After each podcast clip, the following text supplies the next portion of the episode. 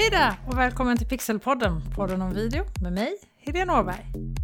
Alltså jag är så otroligt glad att det redan första veckan är så många som lyssnar på podden och som hör av er med tips om vad jag ska prata om och med hejarop och fina kommentarer. Tack så otroligt mycket!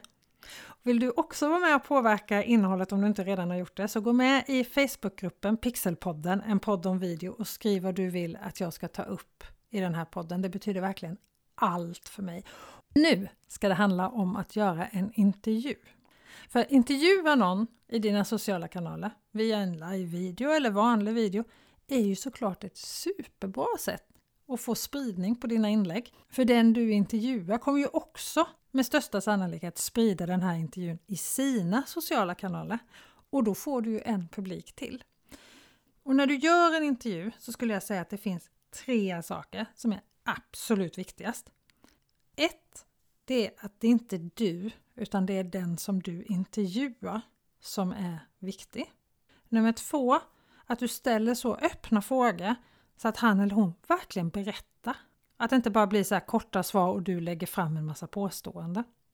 Och nummer tre, lyssna på svaren så att du verkligen kan ställa så här riktigt relevanta följdfrågor. För publiken kommer ju få massa frågor när han eller hon lyssnar för de sitter ju inte och tänker på vad de ska ställa för fråga härnäst. Och då får de ju inte svar på sina följdfrågor. Så att lyssna. Och sen tillkommer ju förstås allt det där produktionstekniska med bra bild och framförallt bra ljud och så.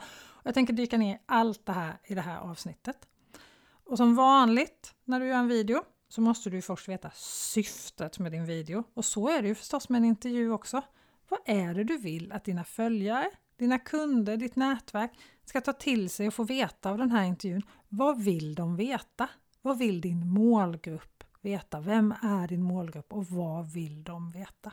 Och har du valt att ta in en gäst i din kanal så är det ju högst troligt att det är för att den här gästen har kunskaper och kvaliteter som du själv inte har så låt gästen prata. Du ska absolut sätta frågan i en sammanhang och du får gärna vara personlig i det sammanhanget. Det kan handla om dig. Men om du bjuder in en gäst så låt gästen vara den som skiner. Se till att det är liksom han eller hon som får vara smart och som får lysa. Du kan lysa i alla andra inlägg. Du måste inte visa att du kan allt. Det finns tyvärr många, även i traditionell TV, som måste visa hela tiden att han eller hon faktiskt vet och kan saker. Och ibland vill jag bara skrika så här, men varför har du bjudit in XXX om du ska svara på allt själv? Sen finns det ju så här riktiga intervjuproffs som till exempel Camilla Kvartoft eller Kristina Hedberg. Och vill du bli riktigt, riktigt, riktigt bra på att intervjua så lyssna och titta på andra, kanske de här två, hur de lyfter fram sina intervjupersoner och framförallt verkligen vill höra vad de säger. Man ser att de vill verkligen ha svar. Våga ställ dumma frågor. Har du tänkt frågan så har Bergs dina följare gjort det också. Och ibland kanske du måste ställa en fråga som du redan vet. För att du har ju troligen gjort en massa research innan du gjorde den här intervjun för att veta vad du ska ställa frågor om. Och då har du ju såklart lärt dig en massa. Men den förkunskapen har ju inte dina lyssnare eller dina tittare. Så att se till att du verkligen ställer frågor som din målgrupp vill ha svar på. Och detsamma gäller bilden. Alltså när du filmar en intervju, fundera på du verkligen måste synas själv.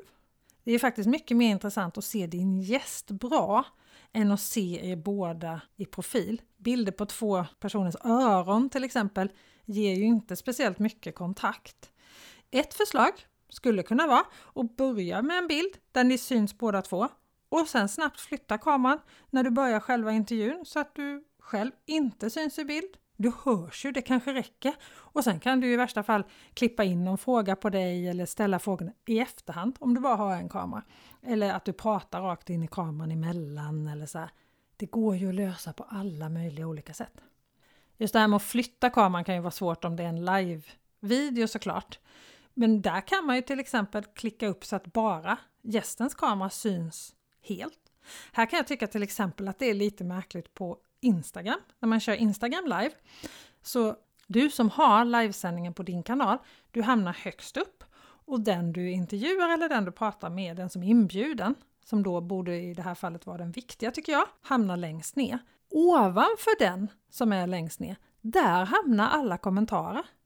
Så allting hamnar på ansiktet på den personen som egentligen är den viktiga. Det tycker jag är lite märkligt. Men ja, så är det på Instagram. Nu när du väl har bjudit in din gäst och ni sitter och pratar så vill du ju få den här personen att verkligen berätta någonting. Och då är det ju såklart viktigt att använda öppna frågor. Vad, när, var, vem, hur, varför? Alla de här grundfrågorna. Man kan säga så här, går det att besvara din fråga med ett ord, då är frågan felställd om du vill få personen att berätta någonting. Och det blir inte så intressant för tittaren att se någon som mest bekräftar eller förnekar det som du säger. Ja, nej, jo.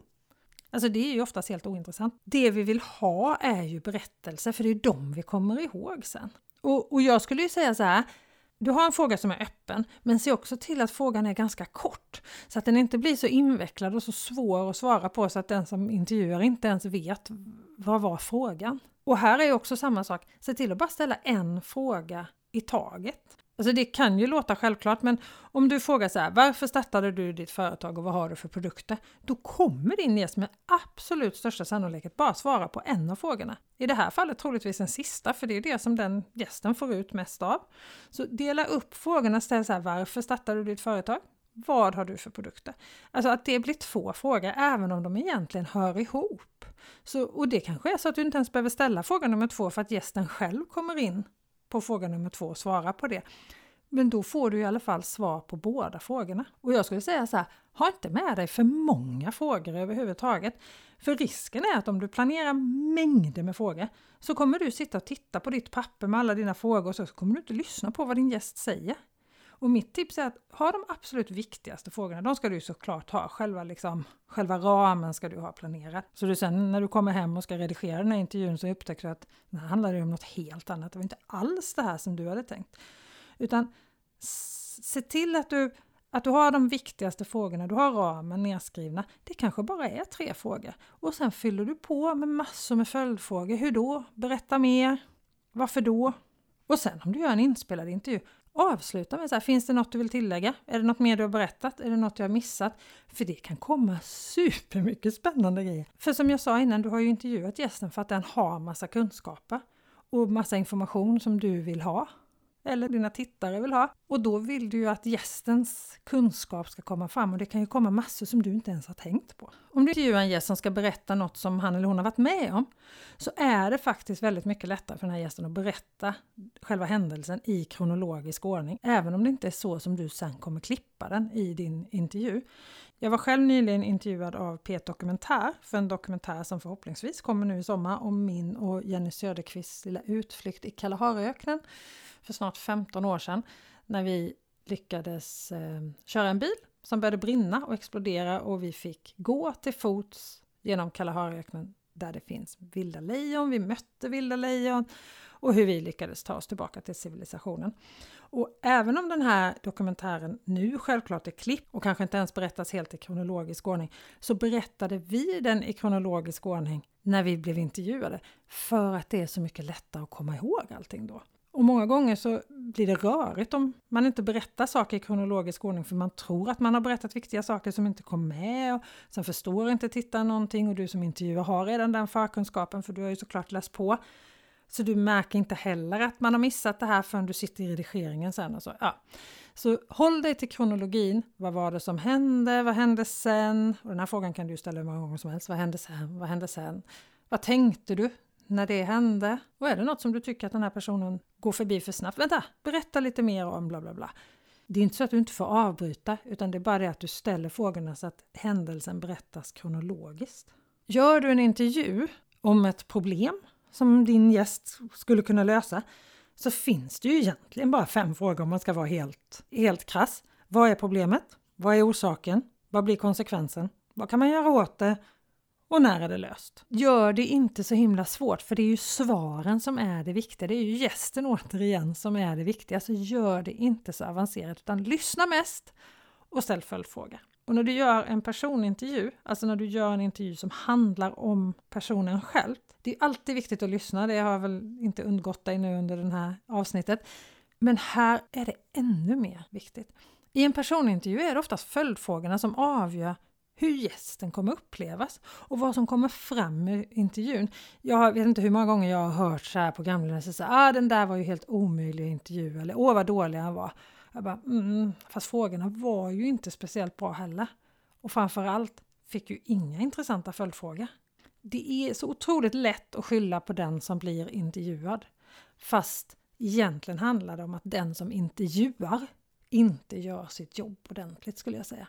Du kommer behöva ställa massa frågor. Hur då? Vad hände då? Hur kände du då?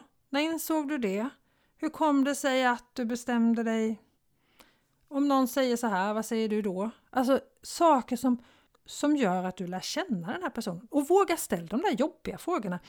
Du kanske inte börjar med dem, men om det finns någonting om en person som alla kommer tänka på, då måste du ju någonstans ta upp det. Det blir ju jättekonstigt för att alla kommer ju sitta och tänka på det och kanske egentligen inte riktigt höra någonting annat och ta till sig någonting annat än den här jobbiga frågan. Jag skulle nog inte börja med den där jobbiga frågan. Jag skulle inte sluta med den heller. Jag skulle nog baka in den någonstans i mitten tror jag. Sen är det ju viktigt att du som intervjuar vågar vara tyst också. Alltså det är inte hela världen om det blir tyst i en sekund, även om det är live. Många gånger så är vi så rädda för tystnaden så att gästen kan till och med ta till orda igen när det blir tyst och börjar berätta saker som han eller hon inte alls hade tänkt berätta. Och sen får man ju prata med dem om de tycker att det är okej att man ändå visar det här. Men det är oftast då som det kan komma otroligt mycket spännande saker. Sen kan ju valet av inspelningsplats också göra superstor skillnad för hur intervjun blir. Känner personen sig trygg och bekväm? Sitter han eller hon skönt? Står han bra? Är det en relevant plats? Och sen kan man ju tänka så här, om man ska göra video, video och rörlig bild, vi kan se, är det så att personen ska göra någonting samtidigt som han eller hon pratar? Är det någon som är väldigt stel och svårintervjuad så kanske det blir lättare om han eller hon står och bakar samtidigt om det är bakning ni ska prata om. Det är dumt att köra elvispen samtidigt, men man kan ju göra allt det andra. Sen gäller ju samma sak som jag tog upp i avsnitt 3, där jag tog upp 10 vanliga misstag som man gör när man börjar med video. Kom ihåg att lyssna på miljön. Här kommer det krävas lite av dig. För du behöver dels lyssna på vad personen säger och så samtidigt behöver du lyssna på hur det faktiskt låter runt omkring er. Så att inte svaren och frågorna drunknar i något oljud. En bil som plötsligt kommer förbi eller var det, fläkt som börjar surra eller vad det nu kan vara. Och när vi ändå kommer in på ljudet så kan vi prata lite om mikrofonteknik. Någonting som är lätt, det är ju att mygga någon, att ha en liten eh, mikrofon till exempel, en SmartLove Plus Mer om utrustning pratar jag om i avsnitt 2, om att komma igång med video. Så finns det en mygga som heter SmartLove Plus. Och om du inte har det utan har en mikrofon som du ska röra, då gäller det att öva lite på mikrofonteknik för att det är inte helt naturligt. För att du tänker att du är klar med din fråga när du har tänkt klart frågan, inte när du har ställt den. Och när du har tänkt att du har ställt klart frågan, då för du över mikrofonen till din gäst. Det vill säga att slutet på din egen fråga, det kommer inte med i mikrofonen. För då är mikrofonen redan riktad mot gästen. Och när du har förstått svaret från gästen, då tar du tillbaka mikrofonen till dig för att ställa din följdfråga. Så då kommer inte slutet på gästens svar heller med i mikrofonen. Så här krävs övning. Men annars, och här kan man ju fundera på, ska dina frågor vara med överhuvudtaget i den färdiga videon? Annars kan du bara ha mikrofonen riktad åt gästen hela tiden. Man brukar säga så här, 30 cm från munnen det är ett bra avstånd på en mikrofon, oftast. Sen behöver vi ju alla bli bekräftade. Du behöver engagera dig i din gästs svar utan att humma. Sitt inte hela tiden så här mm, mm, mm, mm, mm, mm. Du kommer bli tokig på det när du ska redigera sen. Utan håll ögonkontakt och så gör du så mycket reaktioner med ögon, leende, nicka som du bara kan och gör ganska mycket mycket. Visa att du är intresserad, för kroppsspråket säger massor om oss. Alltså om du sitter med armarna i kors tillbakalutad och tittar ner i dina papper så kommer du inte få de bästa svaren från den du intervjuar, utan du måste ju snarare luta dig framåt och ta in det som den här personen säger.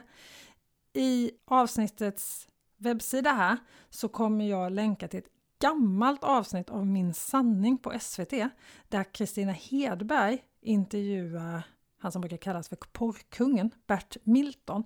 Och hennes kroppsspråk är helt fantastiskt. Det är överhuvudtaget en väldigt, väldigt bra intervju. Jag tycker att Kristina Hedberg är fantastisk på att göra intervjuer. Men i just den här så kan man verkligen studera hennes kroppsspråk. Och hon får ju också väldigt, väldigt bra svar. Du hittar länken till det här på pixelhouse.se avsnitt 5. På samma sida finns också en gratis pdf där du får tillgång till alla de viktigaste punkterna hur du gör en bra intervju. Och det finns förstås mängder med massa bra böcker skrivet om det här. The Art of the Interview av Lawrence Grobble till exempel, den är helt fantastisk. Men egentligen är det inte rocket science, det handlar om att vara intresserad av den du intervjuar. Och förhoppningsvis är du ju det, annars hade du inte bjudit in honom eller henne. Och se till att det är din gäst som får ta plats, att det är gästen som är stjärnan. Lyssna på vad han eller hon har att säga så att du kan ställa relevanta följdfrågor. Så om jag ska sammanfatta det här avsnittet så skulle jag säga så här. Ta reda på varför vill du ha den här gästen här? Vem är din målgrupp? Så vad ger den här gästen dina följare eller kunder eller ditt nätverk? Och när gästen väl är där, låt gästen ta plats. Du får all annan tid i ditt flöde att göra vad du vill, men nu är det en gäst här så nu är det allt ljus på honom eller henne. Se till att din gäst hörs bra och syns bra. Kör du en livesändning med en gäst till exempel så kan du ju se till att den här personen syns i full frame. Till exempel på Youtube om du använder iCam eller någonting sånt. Och använd öppna frågor. Vad, när, var, vem, hur, varför. Alltså det är berättelserna vi vill komma åt. Det är bättre med få frågor och sen verkligen lyssna på svaren så att du ställer relevanta följdfrågor helt enkelt. Och att ni är på en inspelningsplats där gästen känner sig trygg, att gästen sitter bra eller står bra. Tänk på att gästen behöver vara bekväm och så behöver han eller hon känna sig bekräftad. Så nicka, ha ögonkontakt och tänk lite på ditt kroppsspråk så att gästen verkligen känner att du lyssnar på honom eller henne. I avsnitt 7 kommer jag ha min första intervju här i Pixelpodden, podden om video. Då kommer min vän och copyproffset Lena Zetterberg Björk hit och berätta om hur du skriver lockande texter omkring din video i sociala medier och på webben. Jag ser otroligt mycket fram att få prata om det. Personligen är jag bättre på bild än på text så jag har otroligt mycket att lära här. Det här var avsnitt 5 av Pixelpodden, podden om video och vill du så får du mer än gärna lämna en recension på iTunes vad du tycker om podden. Och så har jag helt glömt att berätta att jag kommer ha en frågeavsnitt här i Pixelpodden, podden om video, där jag kommer svara på dina frågor om video. Så för att ställa frågor, gå till Facebook, sök på Pixelpodden, en podd om video, gå med i Facebookgruppen och så skriv dina frågor du har om video där eller ämnen som du vill att jag ska ta upp så kommer jag svara på dem i ett speciellt frågeavsnitt som kommer lite längre fram. Till nästa gång, ha det så bra, hej så länge!